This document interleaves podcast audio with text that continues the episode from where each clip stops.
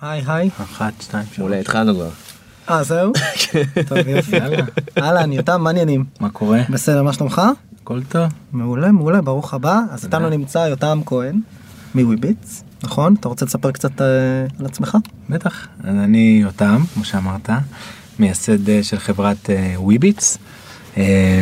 וויביץ מה שאנחנו עושים אנחנו עוזרים לסטורי טלרס בכל העולם לספר סיפורים דרך וידאו בצורה פשוטה וקלה. עובדים בעיקר עם publishers הגדולים בכל העולם אה, והרבה מאוד brands אה, שבאמת רוצים לספר סיפור אה, בצורה פשוטה וויזואלית דרך וידאו. הפכנו את כל התהליך הזה לתהליך מאוד מאוד פשוט שלוקח מספר דקות במקום מספר שעות על ידי שימוש בטכנולוגיה מאוד מתוחכמת. זהו אבא לשלוש מהשבוע נולדה בת השלישית. מברוק. מזל טוב. וזהו גר בתל אביב 35. ספר קצת באוברוויו שנייה על החברה למי שלא מכיר כמה עובדים כמה גייסתם. אז הקמנו זוהר דיין ואני הקמנו את החברה לפני שמונה שנים במהלך תוכנית זל. תופים. מה זה כן, יש לנו אפקט, כל פעם שיש אומר זל יש איזה אפקט כזה ברקע שאנחנו נוסיף אחרי זה. אז כן, תוכנית זל יזמות בבין תחומי. ועשינו אחרי הרבה מאוד פיבוטים ושינויים והכל אנחנו היום קרוב ל-100 איש בחברה. יש לנו משרדים פה בתל אביב, בניו יורק, בפריז, פותחים עכשיו באנגליה. זהו, סך הכל חברה, גייסנו עד היום 30 מיליון דולר. סיבוב האחרון היה לפני שנה כמעט, שהובל על ידי ברטסמן, תאגיד מדיה מאוד גדול בגרמניה, AP השתתפו, The Weather Channel השתתפו, TF1 השתתפו. מי המגייסים העיקריים לפניהם? את הסבב הראשון הובילו לול, לול VC. Initial Capital, Kima, Horizons Ventures ונאנט מ-LA. מגניב. אז אנחנו בפרק השביעי. שישי לא? לדעתי שביעי. היה לנו אחד של סדנה של זה. מוצר. אז אנחנו בעוד פרק של עוד פודקאסט לסטארט-אפים לכל מי שאיתנו בפעם הראשונה עוד פודקאסט הוא כשמו כן הוא. הוא עוד פודקאסט לסטארט-אפיסטים וכאלה המתעניינים ביזמות בתחילת הדרך מפגישים אתכם עם יזמים משקיעים ואנשי מקצוע לראשונה גם העונה היו פה אנשי מקצוע עד עכשיו סתם אמרנו את זה. עכשיו סתם באו אנשים. סתם באו אנשים. כן, לא היה... זהו אנחנו רוצים להגיד תודה רבה. גלובס. נכון וגם לרייס תל אביב. תודה טוב תמיד משלים אותי. זהו יותם ברוך הבא אנחנו מתחילים מיד אחרי ה... עוד פודקאסט?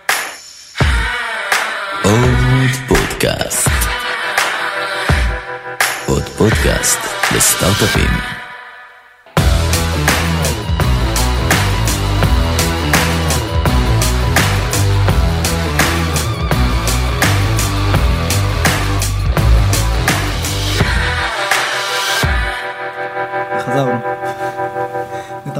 לחזור אבל אנחנו אתה עושה זה מביך זה לא חייב להיות מביך. נכון. שזה עושה את זה יש לך איזה נשימה כזאת קריפית אחרי שאנחנו חוזרים אני לא מבין למה. בסדר זה גורם לאורחים להרגיש סופריה עלינו. אז בוא יותם בוא נחזור אחורה כאילו לתחילת הדרך ונראה לי תספר שנייה קצת על איך בכלל התחלת אמרת שעשיתם את זה תוך כדי תוכנית סטודנטיאלית ליזמות זל. מה איך הכל התחיל. אז כן, אז שנינו למדנו מנהל עסקים בבינתחומי, התקבלנו לתוכנית זה ליזמות, למי שלא מכיר. אתם לא טכנולוגים. זוהר הוא טכנולוג, הוא מפתח פלאש, היה מפתח בעברו. מפתח פלאש. כן, זה עוד משהו, כן, תשמע, אנחנו שמונה שנים כבר, זה, כן, הרבה דברים השתנו מאז בעולם שלנו. מפתח אסמבלי, אוקיי, כן. והתחלנו אז את ה... הוא בנה גם את המוצר הראשון של החברה. היינו בתוכנית זל, תופים אמרת שעושים עכשיו, אז היינו בתוכנית זל, התקבלנו בתוכנית וממש הקמנו את החברה תוך כדי התוכנית עצמה. עד סוף השנה, תוך כדי שהיינו בלימודים כבר היה לנו איזשהו מוצר ראשוני שהצלחנו לשכנע איזה מישהו מהתוכנית שישים את זה לאתר שלו, כי זה נראה באמת לא משהו. והיה לנו מוצר עובד. הרעיון הראשוני היה גם לעשות אוטומציה לוידאו? אז כן, הרעיון עצמו בא במקור מ... כרגיל מאיזשהו צורך שלנו שאתה מתעורר כל בוקר גם בדיוק האייפון יצא ואתה מנסה להתעדכן ככה על החדשות ואמרנו לעצמנו זה לא הדרך הכי טובה לצרוך את החדשות שלנו בבוקר דרך מסך כזה איך אנחנו יכולים להפוך את זה למשהו שהוא ויזואלי. ה vision מאז ומתמיד תמיד הסתכלנו על המצגות שלנו מאז לא היה כזה רחוק מה שאנחנו היום כ vision מאוד גדול להיות ה play button של ה web בעצם לאפשר להפוך טקסט לוידאו ולספר את הסיפור בצורה ויזואלית. והתחלנו עם איזשהו MVP מאוד ראשוני שפנה לבלוגרים ואפשר להם בצורה של self service להתקין את המוצר שלנו על האתר שלהם שיצר מעין כזה newscast כמו היום שהיה מהחדשות האחרונות באתר שלהם. סוג של B2B כזה אפילו. B2 blogger, כן. כן. זה בלוגרים מאוד קטנים. B2 בלוגרים. כן, משהו חדש. אה, והם אה, והתחלנו ממש להשתמש התחילו ממש להתקין. כמובן אנחנו כמובן כבר חשבנו שתוך שנייה נגייס הלכנו למשקיעים הצגנו. כולם אמרו לנו שזה מאוד נחמד המוצר שלנו והרעיון שלנו והצוות. אבל תחזרו כשיש מוצר עובד ובאמת הבאנו מפתחים מבחוץ נתנו להם אופציות והתחלנו לפתח ממש מוצר. אה, ואז עוד פעם הלכנו לגייס ועוד פעם אמרו לנו תחזרו שוב שיש traction שיש יוזרים. אה, ואת האמת שזה סיפור די מצחיק אה, הגענו למשקיע ראשוני אה, שהוא בכלל לא מעולם של ההייטק. ישבנו בפגישה והיה לנו מעין דשבורד כזה שהראה את כמה כמה נרשמים יש לנו. והיו 129 נרשמים, אני לא אשכח את המספר שזה בלוגרים. בלוגרים שנרשמו. והתחלנו לדבר איתם על להשקיע, זה בכלל משקיע מתחום הנדל"ן, ואמר לנו, אוקיי, אתם יודעים מה, אם עד סוף הפגישה זה מגיע ל-135, אנחנו משקיעים בתנאים שלכם. וואו. אז אנחנו יושבים שם עושים רפרש מתחילים לדבר נורא לאט מן הסתם כדי למשוך זמן אה, והגיע הגיע ל-135 והם היו המשקיעים הראשונים שהסכימו בעצם לשים כסף בחברה. אחרי זה הצגנו גם בסיטקה ופגשנו את לול ואינישל ובעצם בנינו כבר סיבוב של 450 אלף דולר. זה היה בערך חצי שנה אחרי שסיימנו את התוכנית אה, באותו זמן עבדנו שנינו כזה פארט טיים ג'ובס כאלה. חיכיתם לרגע הנכון.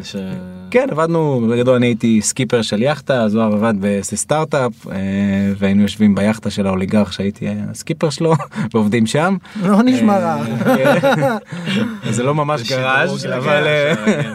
אבל כן שם ממש התחלנו ואז גייסנו את הסיבוב ובאמת גייסנו עובדים והתחלנו ככה לקחנו משרד קטן כזה באזור יהודה הלוי.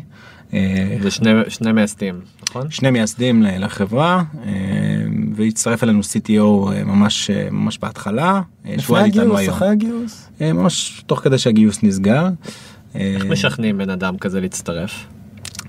אני מניח שחיפשתם מישהו שהוא ספציפי כן. טכנולוגיה. זהירות גם כי אתה עונה פה על שאלה שמעניינת המון המון אנשים שמאזינים. כן. שיש להם רעיון וכבר התחלה של ביזנס וכו'. ומחפשים מישהו טכנולוגי. בדרך כלל זה מישהו טכנולוגי שקשה מאוד לשלם ואתה צריך להתחרות מול אמזון. ענקיות ואמזון. איך משכנעים בן אדם על ההתחלה? אז אני חושב שבכלל כוח שכנוע וזה משהו שאתה צריך שיהיה לך מאוד כיזם.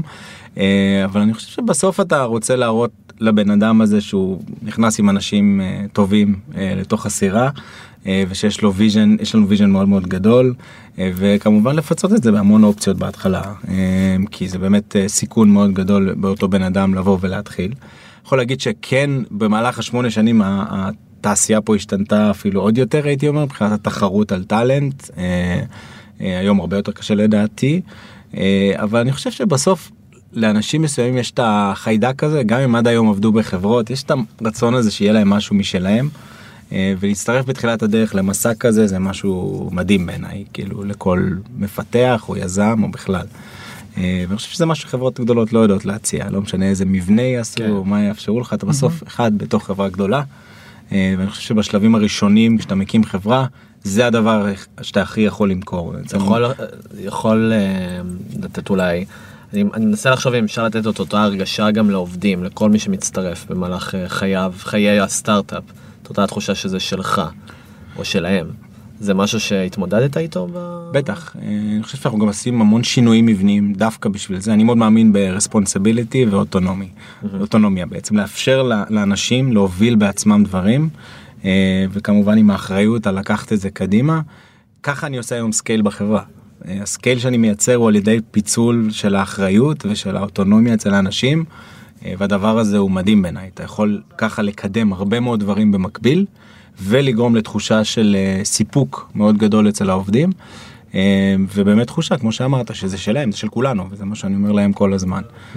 מי שיקח את החברה אנחנו היום קרוב למאה אנשים מי שיקח את החברה לשלב הבא זה כל האנשים שנמצאים זה לא אני ולא זוהר. אנחנו נעזור ננחה נוביל נוריד מחסומים נשנה מבנים אבל הם בסוף אלה שעושים את העבודה ולוקחים את הדברים קדימה ומ-day one אחת העבודות הכי גדולות שהיא לפתח באמת לידרים בתוך החברה ולעזור להם לצמוח להיות כאלה. אז גייסתם 450 אלף דולר, ואז מה, מה בעצם היה פה איזשהו פשוט state שכאילו אני התחלתם להסביר מה אתם עושים ושהלקוחות המרכזיים שלכם זה ברנדים ו publishers כן. והתחלת ואמרת שבתחילת הדרך בכלל זה הבלוגרים נכון. אז יש פה איזשהו transition שכאילו קפצנו עליו מה זה קפצנו עליו אנחנו נגיע אליו ושווה להסביר כאילו איך אנחנו איך מבינים לאורך הדרך שזה לא בלוגרים דווקא כן פאבלישרים כן. ברנדים מה איך כאילו התפקסתם על השוק. אמ, אז התחלנו כבלוגרים זה היה סלף סרוויס ובאמת הצליח אה, לצמוח בצורה מאוד משמעותית אה, הגענו אני חושב בזמנו ל-20 אלף בלוגרים שהתקינו. אה, זה התקנה חינמית זה בתשלום. זה היה התקנה חינמית שהרעיון היה לעשות כסף מפרסומות. אמ, שמה, הוא קרא את האתר ובעצם הכפתור? בעצם זה היה מאוד פשוט הכנסת RSS פיד אוקיי. והוא פשוט כל הזמן בדק מתי יש משהו חדש ויצר מעין כפתור כזה על כל האתר שכמו מניפה כזו שאתה לוחץ עליה וזה פותח player וידאו כזה. וידאו כזה שמציג לך את כל החדשות ויכלת לקסטם עם, הלוגו שלך ועם הצבעים שלך ועם האייטמים כשראית אייטם שמעניין יכלת ללחוץ עליו ולהגיע לכתבה עצמה זה ככה ב high level. אמ, והגענו לאיזושהי נקודה מסוימת שהייתה נקודה קשה שהבנו שיש המון יוזרים ומשתמשים אבל לא כל כך נוכל לעשות מזה כסף זה היה הלונג טייל של הלונג טייל אה, עם כל מיני אה, בלוגרים מיוון וכאלה אתה, אתה לא באמת תוכל לעשות לזה איזשהו אה, מוניטיזציה. אה, והחלטנו לבנות בעצמנו את הטכנולוגיה והבנו שגם כמובן ככל שאתה מתחיל לעבוד יותר עם השוק אתה גם מבין את הצרכים אה, של השוק בצורה טובה יותר. הבנו שהצורך הוא באמת ביצירה של וידאו אה, לכתבות כי הרבה מאוד מהכתבות בזמנו עלו בלי וידאו זה נשמע קצת מוזר שאני אומר את זה היום אבל בזמנו היו הרבה כתבות אפילו בלי תמונה. אה, עלו רק טקסט ואז אולי תמונה ווידאו בכלל היה נראה איזה משהו מאוד אה, לא אפשרי כי עד שמייצרים וידאו ויש כן. את הצילומי וידאו והכל. ווידאו זה נמצא בטלוויזיה, למה שזה נכון, לעזאזל יהיה לי נכון, באינטרנט? ומה זה וידאו זה talking heads ואתה כאילו מה זה אומר בכלל. אמ, אז אז היה ככה באמת הבנו את ה pain ואת ה- בעצם את איזשהו opportunity שהיה פה להטמיע ולייצר טכנולוגיה שממש לוקחת טקסט והופכת אותו לוידאו ומנגישה אותו ליוזרים. אז הסתכלנו ממש יותר על הצד של ה user אה, והתחלנו לפתח את הטכנולוגיה הזאתי באותו זמן גייסנו את הסיבוב השני שלנו זה היה שנה לאחר מכן. מ Horizons Ventures של לי קא-שינג שהובילו את הסיבוב אה, זה היה 2.3 מיליון דולר. שעדיין באיזשהו מקום זה היה על ה vision של החברה vision מאוד טכנולוגי. אה, כן עם traction של בלוגרים אבל כבר ידענו פחות או יותר שאנחנו מתחילים לעשות איזשהו אה, pivot אה, לפלטפורמה ל- יותר. כן, איפה שהכסף לכאורה. לטכנולוגיה כן, יותר כן, בדיוק אז כן. אה, בנינו ממש את הטכנולוגיה. אה, אז אה, מדהים שאתה לא אומר את המילה AI אפילו פעם אחת, שזה... לא AI עוד לא- עוד לא היה אז עוד לא היה. שם, עוד לא, עוד לא. לא, אני אומר, זה כאילו, זה הוא בגלל שזה Buzzword, הוא חשב אותם. פשוט לא ידע שזה... זה היה אה, NLP. כן. הוא חשב, הוא חשב AI. עכשיו AI, כן. המצאנו בכלל את השם. לא, גם ה spin של ה... זה, זה לא היה... אה, אז כן וזהו ומשם באמת התחלנו לגדול עם הטכנולוגיה יותר וכן התחלנו ללכת לכיוון של users בכלל ל-B2C אה, זה היה בעצם pivot אה, נוסף שהתחלנו לייצר אפליקציה אה, ל users. mobile שאתה יכול לצרוך את החדשות שלך אז גם פליפבורד היה מאוד מאוד נפוץ ויצרנו משהו מאוד חדשני של בעצם צריכה של וידאוים ורטיקליים בכלל. אם אתם חושבים על סנאפצ'אט היום אז בכלל אף אחד לא חשב על זה ויצרנו ממש וידאו שאתה יכול לבחור את החדשות שאתה רוצה ולצפות לצפות בהם כאילו בצורה סוג של ויזואלית. אגרגציה של וידאו, מה ש... אוקיי. לוקח אה, אוטומטית את. הטקסט מייצר לך סרטון ויש לך ממש אפליקציה עם פידים אפליקציה שלכם. כן של וויביט. אז, שני כיוונים, אחד אה, B2B2C, דרך publishers וברנדים, שתכף נדבר על זה, איך מגיעים, איך הבנתם, מה עושים שם, אה, מישהו זה עוד לא אמר היה לי, השלב הזה. היה- הם עוד לא הלכו ל publishers. אז בעצם זה היה שילוב, זה היה? אני שילוב. הבנתי שהיה גם וגם. כן אז זה היה גם וגם. אנחנו נעשה אה, בוחן פתע בסוף כן. הפודקאסט פה. אוקיי. אז זה היה תקופה כזאת שהיה רק זה ואז גם וגם ובאיזשהו שלב החלטנו אה, בהמשך למה שאמרת אה, לחתוך אחד מהם. אה, שזה את היה ה-B2C. את ה-B2C ומשם כבר גדלנו רק עם publishers. בנינו את הכלי בצורה אה, אוטומטית אתה שם מעין איזשהו JavaScript על האתר שלך ואנחנו אוטומטית הופכים את כל הווידאוים את כל הטקסטים בעצם מהאתר לוידאוים. אה, שזה היה מאוד אגרסיבי גם כאילו לא היה שום כלי עריכה או שום דבר. אה, הכל אוטומטי. הכל אוטומטי. ואז שתי שאלות, אחד לגבי החלק של ה-B2C, מה היה שם ולמה זנחתם את זה, נראה לי מאוד מעניין לשבת על מה לא עבד, ולגבי פאבלישר, טוב, אתה יודע מה, בוא נתחיל מה-B2C. אז קודם כל אני חושב, באמת יצא לי לדבר עם הרבה יזמים, אני חושב שהדילמה של B2B ו-B2C היא, היא קיימת בהרבה מאוד חברות שיצא לי לפגוש. הרוב בדרך כלל מתחילים מ-B2C ומתישהו מבינים ש, שהם צריכים לעבור ל-B2B ואז עוברים ל-B2B ואז איכשהו מצליחים לגדול וזה דילמה סופר מורכבת במיוחד לחברות מישראל אני חייב להגיד כי הרבה פעמים הלקוחות ה-C לא נמצא פה אה, והרבה יותר קשה אה, מצד אחד לעשות את זה. אה, וב-B2B כאילו בסוף אתה סוגר עסקה אחת, שתיים, שלוש וכל עסקה כזאת כאילו מביאה לך הרבה traction או הכנסות. ו... וזה משהו יותר הרואי. סגרת, אה, כן, זה, כן. יש, יש, יש גבעה להילחם עליה, בוא נגיד. כן אז זה כאילו יותר יותר ברור בדיוק. B2C זה כאילו באמת אתה צריך mass market בשביל באמת כן. שזה יהיה זה וממש אני זוכר את הסשן הזה שממש ישבנו על הלוח ועשינו חישובים. אוקיי אם אנחנו משיגים ככה וככה יוזרים כמה נצליח להשיג וכמה כסף זה בסוף יראה וראינו אין אתה, אתה כאילו אתה קשה מאוד להתווכח עם האקסל הזה. ובגלל זה אתה רואה באמת המון חברות טובות מ-B2C ל-B2B.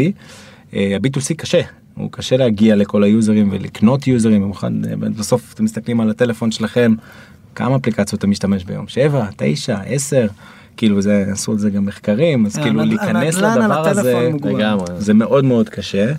אמ, וזה היה אחת הסיבות שהחלטנו אה, לעשות אבל אני חושב שה... באמת אם יש משהו שאני חושב שהוא ככה הולך כחוט השני מאז שהקמנו את החברה עד היום ככל שהתפקסנו יותר החברה גדלה מהר יותר. אה, ואני חושב שזה משהו לפחות שאני נפגש עם יזמים אה, בתחילת דרכם תמיד אתה רואה את הבעיה הזאת לכולם יש את הבעיה הזאת בכל שלב שהוא זה הבעיה של פוקוס. ובאמת צריך להחליט על משהו אחד לעשות אותו טוב ולגדול מזה אה, ולא לנסות להקים כמה חברות במקביל. אתה אומר כשאתה מגייס 450 אלף דולר או 2.3 מיליון דולר או הכל טוטל ומחליט לעשות גם B2B וגם B2C אתה כנראה עושה משהו לא אבל נכון, לדעתי. עם זאת, עם זאת, השאלה אם כל הזמן הזה שהתחככתם עם אותם לקוחות שכביכול בגישה של ה-B2C, לא נתן לכם איזה הבנה הרבה יותר טובה וגם אינסייט ללכת איתו ל publishers שלא הייתם יכולים אילולא הייתם אמ, מלכתחילה B2, שאלה טובה. B2C.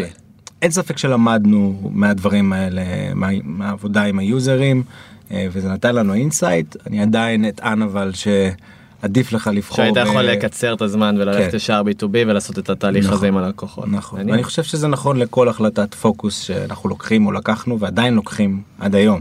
אני שואל את זה גם כי באמת אה, שני צעדים אחורה הרבה פעמים אנחנו נתקלים בחברות ישראליות שגייסו seed או אפילו pre-seed ורוצים ללכת גם וגם אה, מכל מיני סיבות ובסדר insight חשוב. לדעתי הגם וגם לא עובד. אה, ויוצא לי גם לפגוש באמת כמו שאמרתי הרבה יזמים שבאים הם עושים את זה ואת זה וזה גם יכול לעשות ככה וזה גם יכול לעשות ככה ואתה כאילו אומר כמה אתם שני אנשים אז למה אתם כאילו ארבע חברות כאילו זה, זה ממש ברמה הזאתי.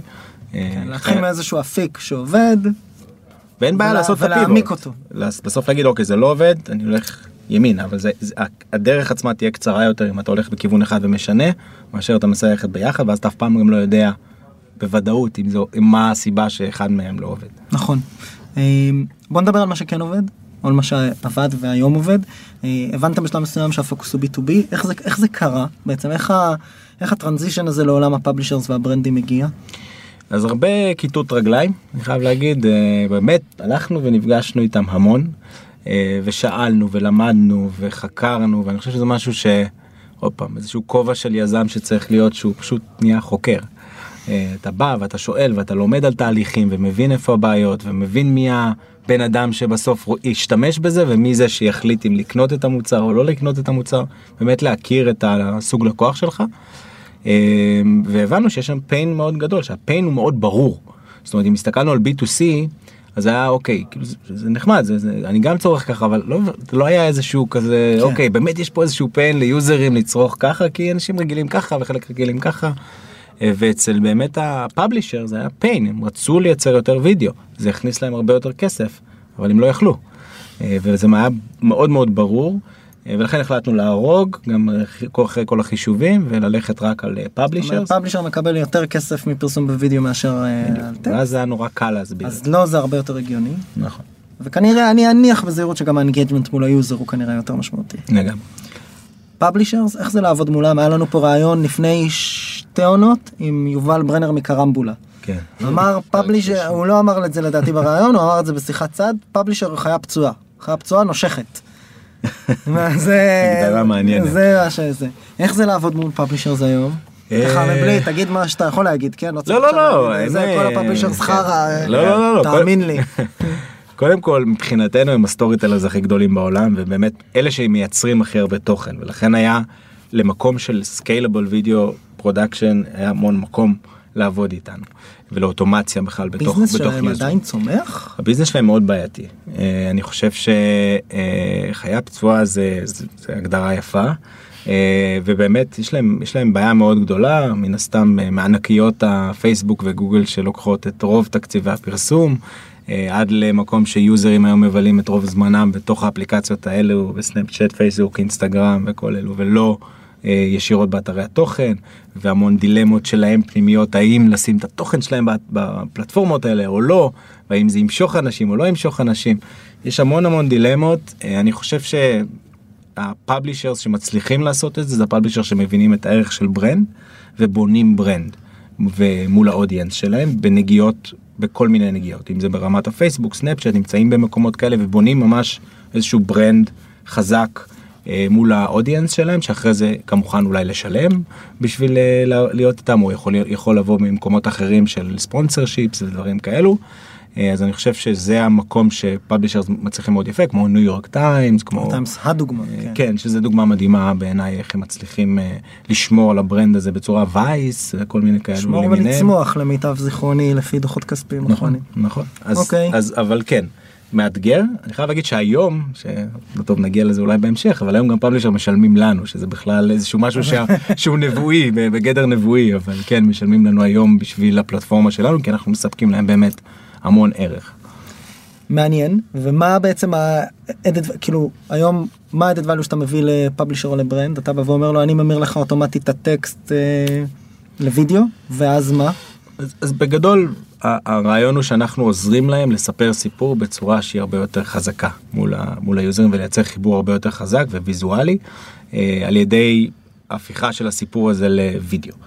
אה, אנחנו משתמשים בשני דברים עיקריים, אחד זה אוטומציה, באמת יש לנו המון חלק, אה, חלקים מאוד חכמים במערכת, כולל פטנט והפיכה של טקסט לוידאו והתאמה של תמונות וקטעי וידאו והכל קורה בצורה מאוד מאוד חכמה בתוך הפלטפורמה שלנו. והדבר השני הוא סימפליסיטי, זאת אומרת בנינו פלטפורמה מאוד נוחה שאתה לא חייב להיות עורך וידאו בשביל לייצר וידאו ממש טוב. אה, אז אנחנו מחברים את שני אלה בצורה מאוד יפה, אה, שבסוף יוצרת אה, וידאו מאוד איכותי, מאוד מהר. ואנחנו, היוזרים שלנו הם בכלל לא עורכי וידאו, אנחנו פונים היום בדרך כלל לכתבים, אנשים שרגילים לכתוב. אה, והם אלה שמשתמשים בפלטפורמה שלנו ומייצרים אה, סיפורים אה, מאוד מאוד חזקים. איפה זה קורה מול ברנדים? דיברנו על פאבלישרס? אז כן, אז לפני שנה בערך, האמת שזה קרה, זה בא אלינו, הרבה מאוד ברנדים, אם אתה חושב על זה היום, עולם הברנדים גם השתנה מאוד, ברנדים היום נהיו מידיה, בעצם נהיו ממש פאבלישרס לכל דבר, מייצרים תכנים, עכשיו שמעתי שאייסוס יש להם 150 כותבים, הם מייצרים תכנים כי הם מבינים שזה בעצם הדרך שלהם ליצור חיבור עם, ה, עם היוזרים שלהם אה, ב-level אחר, שהוא לאו דווקא level של פרסומת בוא תקנה או בוא תעשה, אלא בוא... בוא אני אספק לך תוכן, אספק לך value, דומה קצת לפודקאסט, אני מייצר לך value ואני באיזשהו ברמה מסוימת מחובר איתך, ואז שתגיע כבר לעשות את איזשהו engagement מסוים אתה כבר קרוב ל brand באיזושהי צורה. אז הרבה מאוד ברנדים מייצרים תוכן, אה, כותבים תוכן, אה, ואנחנו שמה כדי לעזור להם לעשות את זה בצורה של וידאו ולא רק בצורה של טקסט. אז אתם כמו product as a service כזה אתם נותנים להם את זה פר קמפיין פר, פר מה אז אנחנו בעצם יש לנו פלטפורמת SaaS הם אה, נכנסים יש להם פלטפורמה עם הלוגו שלהם הצבעים שלהם כל הקסטומיזציה שהם רוצים כדי לשמר את ה brand שלהם. אה, ויכולים פשוט לייצר שם סרטונים וזה תלוי בכמות שאתה רוצה לייצר ברמת הקסטומיזציה ואתה פשוט סוגר מולנו איזשהו חוזה אה, בדרך כלל שנתי.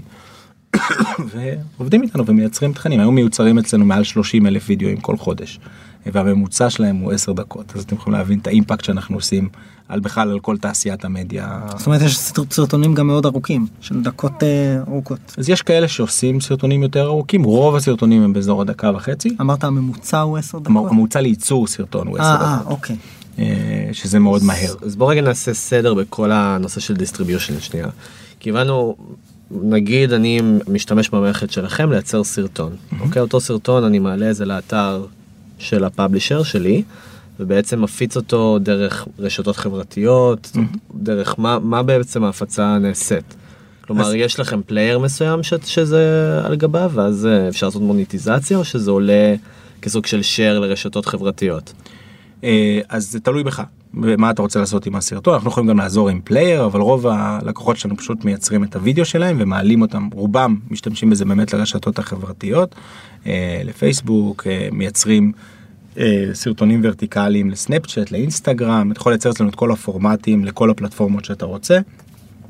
אה, והם פשוט מייצרים את הסרטונים ומעלים אותם. אה, חלק אפילו משתמשים בזה בטלוויזיות, פתאום ראיתי איזה סרטון שלנו באיזה שדה תעופה מתנגן, כאילו, אנחנו מגיעים להרבה מאוד מקומות אה, עם, ה, עם הסרטונים שלנו, וזה, וזה מגניב, אנחנו באמת עושים איזשהו אימפקט על העולם בהקשר הזה.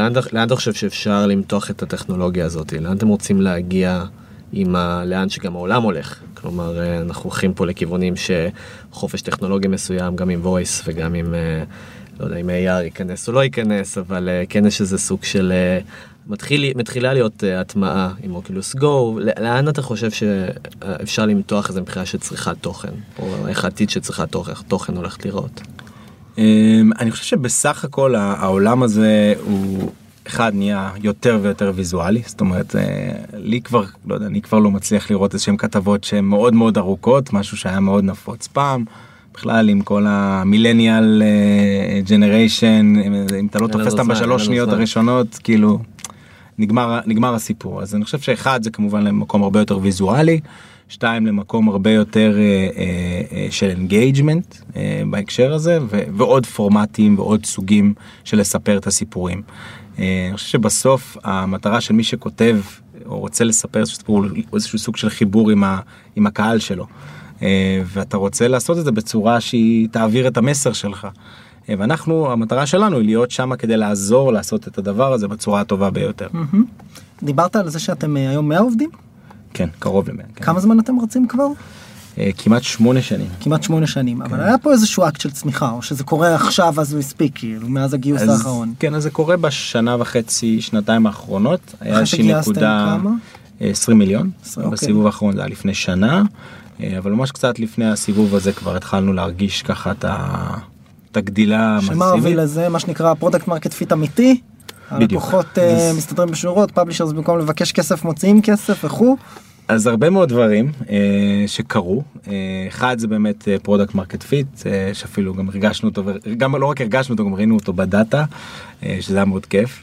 אה, גם אה, business שהתחיל לתפוס תאוצה עם המעבר לניו יורק ובאמת אה, הוספה של אנשים שם ואפילו גם פייסבוק עזר לנו באיזשהו מקום עם הדחיפה שלהם המאוד חזקה של וידאו שעזרה לנו גם לגדול בצורה משמעותית כי היינו בדיוק בזמן הזה במקום הנכון. אז הרבה מאוד דברים שקרו. אמ, אבל בסך הכל זה בסוף עבודה, אתה יודע, execution, שינויים, כל הזמן יום יום של עבודה ובסוף משהו מסתדר שם. ומתי זוהר עשה רילוקיישן?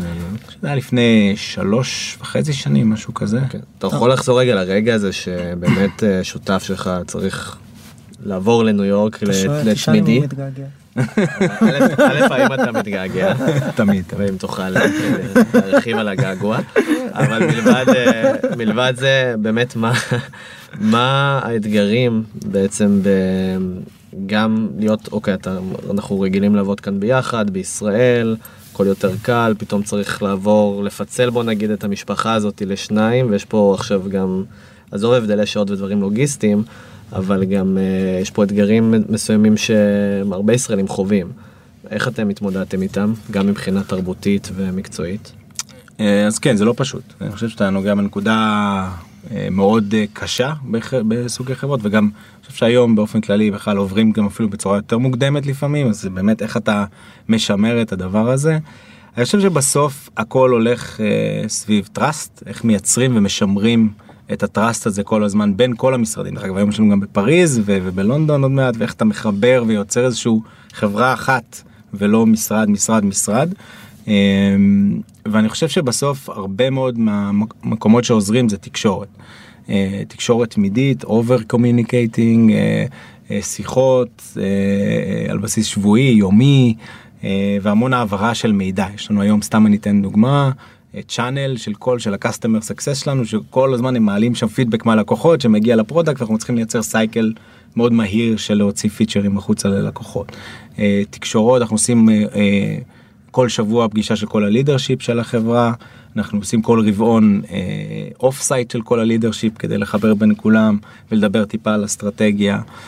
טיסות של אנשים לפה לשם עכשיו אנחנו רוצים להגביר את זה גם גם לעובדים, גם ליותר מקומות כאלה, ובסוף כן לשמר איזשהו סוג של חברה, יש לנו מסכים שרואים אחד את השני כל הזמן, אה, פתוחים, זה נשמע דברים כאלה, כאילו באמת זה, אבל הם באמת מייצרים את, ה, את ההבדל.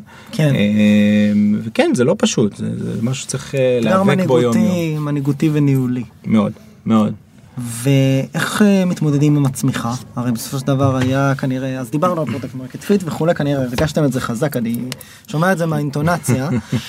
ואז כנראה בעקבות זה גם זה בטח לא אה, מה שנקרא לא הזיק לגיוס ועכשיו אתם מחזיקים עובדים וכולי וגדלים. כן.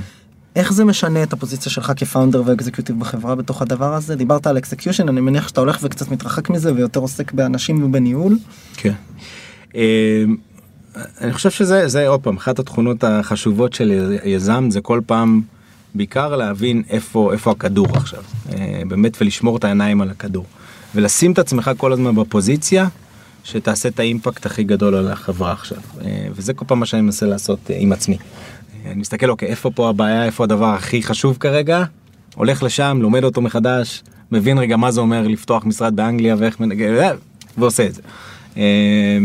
ואני חושב שזה מה שיזם צריך כל הזמן לדעת לעשות ובעיקר חוזר למילה של פוקוס ולהבין באמת מה, מה הכדור הזה.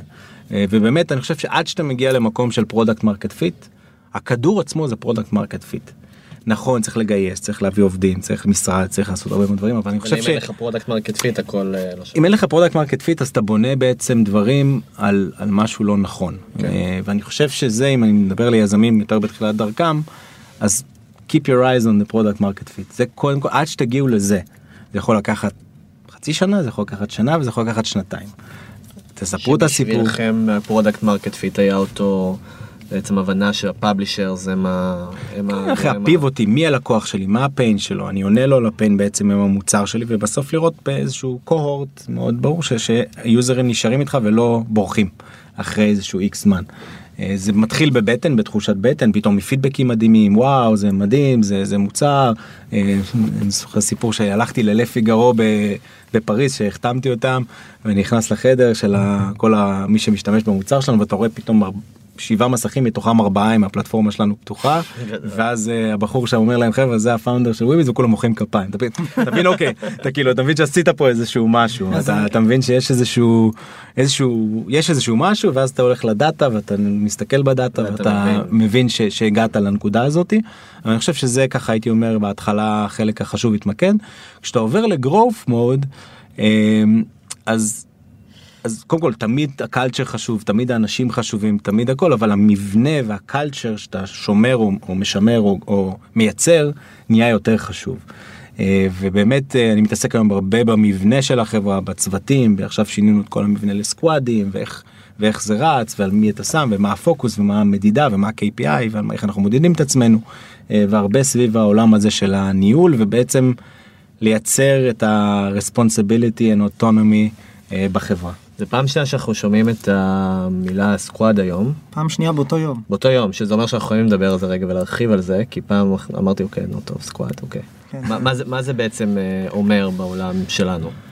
אה, אז קודם כל למי שרוצה באמת להיכנס לעולם כל הרבה מאוד חברות עובדות ככה יש שני סרטונים מעולים של ספוטיפיי על סקוואדים שמסבירים ככה בהרחבה את מה שאני הולך להגיד אבל ממליץ מאוד לראות. שהם עובדים ספוטיפיי בעצם הם היו החלוצים בתחום הזה או כן, שזה היה משהו ש... מה שאני מכיר כן. כן. אה, אותי תמיד הפנו לסרטונים האלה אז אז אני מניח שהם היו די חלוצים אבל הרעיון הוא אה, גם הוא אמר כן כן. אוקיי לא, אני רוצה לראות אם הדובר הקודם הוא דיבר אמת. אוקיי. בדקתי עשיתי פה אימות מקור. גיא נמאס ממנו, כאילו, זה פשוט, אתה עושה עימות מקור למראיינים? לא, לא. אז סקואדים בעצם הרעיון של סקואדים הוא לייצר צוותים אוטונומיים הטרוגנים שיכולים להגיע מ-0 עד 100 אה, בצורה עצמאית. אה, שזה אומר שאתה יכול לקחת לשם כתלות במשימה אבל אתה יכול לקחת אה, איש front-end, back-end, QA, product, designer, שם את כולם ביחד, אתם צוות, המטרה שלכם היא להיות אחראים על החלק הזה במוצר, או המטרה שלכם היא להזיז את ה-KPI הזה, או להכפיל אותו, Mm. בהצלחה. אה, והם, נתת להם איזשהו כיוון, והם עכשיו עושים הכל, מהגדרה של מה הם צריכים לעבוד, באיזה צורה הם עובדים, אה, ואיך הם מוציאים את זה לפועל, עד QA, עד הוצאה החוצה, עד בדיקה של הדאטה ועד הכל. אה, זה כמו סטארט-אפ בתוך סטארט-אפ. שבעצם מחזיר אותנו לימים שהיינו קולבויניקים ועשינו הכל. אה, שהיינו צעירים ויפים. בדיוק, אוקיי. ממש ככה, אה, סביב זה יש מבנה קצת חברתי של guild master שהוא קצת יותר רוחבי. ומסתכל על כל מפתחי backend או איזשהו people manager שיכול להיות בחוץ או יש יש איזשהו משהו שכן תומך בזה שיש חברה אחת ואיזשהו חיבור בין האנשים. ומי oversees את כאילו מי ה manager של אותו אותם סקואדים כלומר זה יש להם כל אחד יש לו את המנהל הישיר שלו שזה פשוט אה, אז אז באידיאל ה-people manager הוא אפילו יכול להיות חיצוני בכלל הוא לאו אבל דווקא למי חייב להיות אתה איתם. מדווח? אמ, אז, אז הרעיון הוא הרעיון עוד פעם באידיאל אנחנו לקחנו לזה איזשהו תרגום משלנו כרגע ועושים איזשהו טרנזישן יותר לדבר הזה אבל הרעיון הוא שאין זאת אומרת לצורך העניין אתם צוות אתם עובדים ביחד תחזרו לו במקום באמת למקום זה אחד הדברים שאתה באמת ככה. אה, זוכר מישהו הגדיר לי את זה פעם אני לא זוכר מי אמר את זה אבל שזה הנימון שאתה בעצם שישה אנשים בחדר ועובדים ביחד והכל וכאילו ואני צועק להוא. ומתחיל כן. מגש פיצה אחד וזה משהו שהוא כאילו כיף כי אתה זה ואתה כאילו מנסה לייצר את הדבר הזה ואין זה לא שמישהו אחד אומר לכולם תעבדו על זה אה, או תעבדו על ההוא כן זה בסוף עובדים ביחד ורצים וכל אחד יודע מה הוא עושה וכל אחד יש את התפקיד שלו ורצים קדימה. אה, מחוץ יכול להיות בן אדם שמנהל את האנשים שעוזר להם להתפתח מקצועית או, או שכן ואיפה אתה כן עוצר ומסתכל על כל הסקואדים האלה ואומר סתם דיברת על מישהו שאחראי על איזשהו KPI של חלק במוצר ומישהו שאחראי על whatever תהליך marketing או אסטרטגיה מסוים סתם זרקתי המצאתי לשם הדוגמה. מתי יש התכנסות ברמת החברה? זה בסוף ארגון. ואומרים אוקיי ביעדים האלה עמדנו או לא. Dummies כאילו כי כן, אנחנו בג- באמת לא מכירים. בגדול יש leadership לחברה וה leadership מגדיר את הדברים האלה ולפעמים משנים מבנים ומשנים ומעבירים לפי מה שהחברה צריכה להתקדם בו באותה נקודה. אה, וצריך לייצר גם כמובן כמו שאמרתי את הגילדות האלה זאת אומרת כל אנשי ה product צריכים להתכנס ביחד אה, לפעם ב- בשביל להעביר דברים וידע. כל אנשי הבקאנד גם צריכים יש באמת את הפורומים גם האלו אבל בסוף הלידרשיפ מגדיר לאן צריך ללכת מה המטרות מה ה-KPIs ואתה נותן לאנשים את האוטונומיה אה, לרוץ ולעשות. כל פעם שעשיתי את הדבר הזה מזה שניסינו בהתחלה קצת טאסק פורסים וכאלה הופתעתי לטובה זה פשוט מדהים. אתה גם מקבל רעיונות שלא חשבת עליהם בחיים. המקום הזה של בן אדם אחד שחושב וצריך להחליט וצריך לפרק את זה ולהעביר את זה לכולם. כן. זה, זה, זה, זה כאילו אני חושב שזה יוצר איזה דינמיות מסוימת שזה fostering אה, creativity באיזשהו מובן כלומר יוצא לי להיות בכמה אקתונים ואני רואה אנשים שבאים מארגונים שהם עובדים שם אם זה מהנדסים מפתחים משתתפים באקתון ואתה פשוט פתאום רואה מה יוצא מהם וזה סוג של אתם עושים בעצם אותם האקתונים קטנים בחברה שהמטרה הגדולה שלה זה בעצם להזיז איזה מחט אה, במוצר או ב marketing או במשהו שבעצם נותן נכון שעושה אימפקט על החברה. כן. שלושה פיצ'רים מאוד גדולים שהוצאנו לאחרונה מאוד גדולים הגיעו מהמפתחים. אה, הגיעו כרעיונות מהם זאת אומרת, בכלל. הגיעו מהרעיון איך לעשות את זה ה execution עצמו squad מה שנקרא בא כן. ואמר זה שלי. כן וכמובן דיברו איתנו וזה אבל כאילו זה היה רעיון מעולה וזה יצא לפועל וזה עשה אימפקט. אז כאילו זה, זה, זה ממש זה ואני חושב שככל שאתה הולך לזה יותר ויותר אה, אתה עושה scale בעצם כן. לחברה. בואו נחזור שוב לתחילת הדרך ובכלל לדבר כי זה גם מתקשר לצמיחה.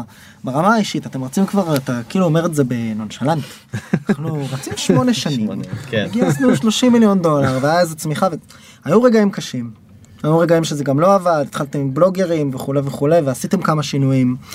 אז היום בתחילת הדרך מסתכלים על חבר'ה כמוכם. ובין היתר אחד מהדברים שאומרים אולי המקרה שלכם הוא טיפה פחות קיצוני כי גם דיברת בריש גלי על, הפ- על הפיבוטים אבל אומרים מה זה לא חוכמה? הנה הוא כבר גייס 30 אם לי היה 30 מיליון דולר ת, תנו לי 30 מיליון דולר תראו מה אני אעשה איתם. כן. מה אתה אומר לחבר'ה בתחילת הדרך? תחילת הדרך זה לא החודש הראשון אני מניח זה יכול להיות גם השנה שנתיים ארבע הראשונות. איך מתמודדים עם הקשיים? מה מה בעיקר אתה יודע מה? מה לא עבד לכם רסמי? ואיך התמודדתם עם זה. בואו נהפוך את זה לממשי. אמ, קודם כל המון דברים לא עבדו. אנחנו יכולים לשבת פה תעצור כל היום. שנייה, כן. נקליט מחדש. המון המון אה, המון טעויות והמון דברים שלא עבדו. אמ, אני חושב שבסוף, אתה יודע, שאלת איזה שתי שאלות, איך אתה מתמודד עם דברים שלא עובדים לך. אה, אז אז הייתי אומר בפן הפרקטי של הדבר. להתייעץ זאת אומרת אחד הדברים שאני עושה עד היום המון זה הולך לחברות אחרות. אה, באמת פ- פעם בשבוע אני הולך לאיזה מישהו ומשגע לו את השכל עדיין בשלב הזה גם משגעים לי את השכל אבל אבל זה חלק מהעסק זאת אומרת כל אתה בא לבן אדם ואתה יכול להסתכל על חברות אחרות וללמוד מהם ולשמוע מהם ולראות קצת איך הם סגרו איזושהי סוגיה אתה עושה קיצורי דרך אה, ולבוא באמת רציני אה, עם מחברת ולכתוב. יודע שזה נשמע קצת מוזר לישראלים אבל להיות סטודנט אבל, אה, תמידי. סטודנט תמידי וכל הזמן ללמוד וכל הזמן אה, באמת הדבר השני הוא באמת להתמודד עם האמת בסדר ואני חושב שהדרך פרקטית לעשות את זה היא באמת להשתמש מ-day one בדאטה אה, ולהיות מחובר לדאטה ולהבין דאטה. אה, לא לכולם זה בא בצורה אינטואיטיבית אבל זה הרבה פעמים נותן לך מראה אמיתית של מה קורה. כי. כי הרבה זה לא זה לא כזה שחור ולבן שאתה בא ואומר אוקיי שנייה. אה זה לא עובד אז בוא נעשה פיבוט כאילו הרי תמיד זה כזה שנייה לא אבל כן ההוא כן רוצה ויש את הלקוח ההוא ואת- זה תמיד לא כזה שחור לבן. אה, ולכן דאטה נורא עוזר להפוך את זה יותר לשחור לבן אתה לא רואה את הגדילה אתה רואה שזה לא עובד אתה, אתה יכול לראות את זה בצורה יותר ברורה. כן. ולכן הייתי ממליץ מאוד מ-day one לחשוב מה ה-KPI של החברה מה עכשיו לפני שאני מתחיל בכלל. אם אני מגיע אליו זה אומר שאני מצליח. ואז פתאום אתה מתחיל לעבוד ואתה לא מגיע אליו אז אוקיי אז, אז, אז לא הגעתי לשם. נכון. אה, אז זה משהו שמאוד מאוד עוזר עם זה. נפשית אתה יודע זה זה קשה זה קשה להיות בסטארט-אפ זה באמת המון ups and downs. אה, ולא יודע זה המון נחישות והמון התמדה והמון אה, אופטימיות ש, שאני לא מבין מאיפה לפעמים אנחנו מביאים אותה אבל המון אופטימיות שזה ילך. שלושה אה, ילדים זה לא פחות קשה. אה, נכון למרות נכון. שזה עכשיו אה, מגיע. זה נכון יש לי שלוש בנות אז זה די יותר רגוע. בבית בינתיים הבנתי שבגיל מאוחר יותר זה יותר קשה. אבל אבל כן זה זה עניין של המון נחישות והתמדה ו- ולהאמין במה שאתה מנסה לעשות וללכת על זה בכל הכוח. קראתי היום שיזמים הם הלוחמים המודרניים. כי אם היית משווה את זה לנגיד לימי הביניים שהיו לוחמים אמיתיים נגיד גלדיאטורים כאלה אז הם תמיד היו מול העולם כאילו הם נלחמו מול העולם מול האויבים. היום יזמים הם היחידים שנלחמים כביכול מול, ה... מול העולם. אני לא זוכר אם זה היה בתוכנית של אופרה או, ש... או שזה נשמע כזה קצת ככה. לא, אבל זה- היה בספר לגיטימי. ל... ל... בספר לגיטימי. לסטארט-אפים. זה כמו שכשאני הייתי בצבא אני הייתי ב-8200 שש שנים ובתפקיד הראשון שהייתי הייתי בבסיס סגור יוצאים פעם בשבועיים לא הצלתי את העולם.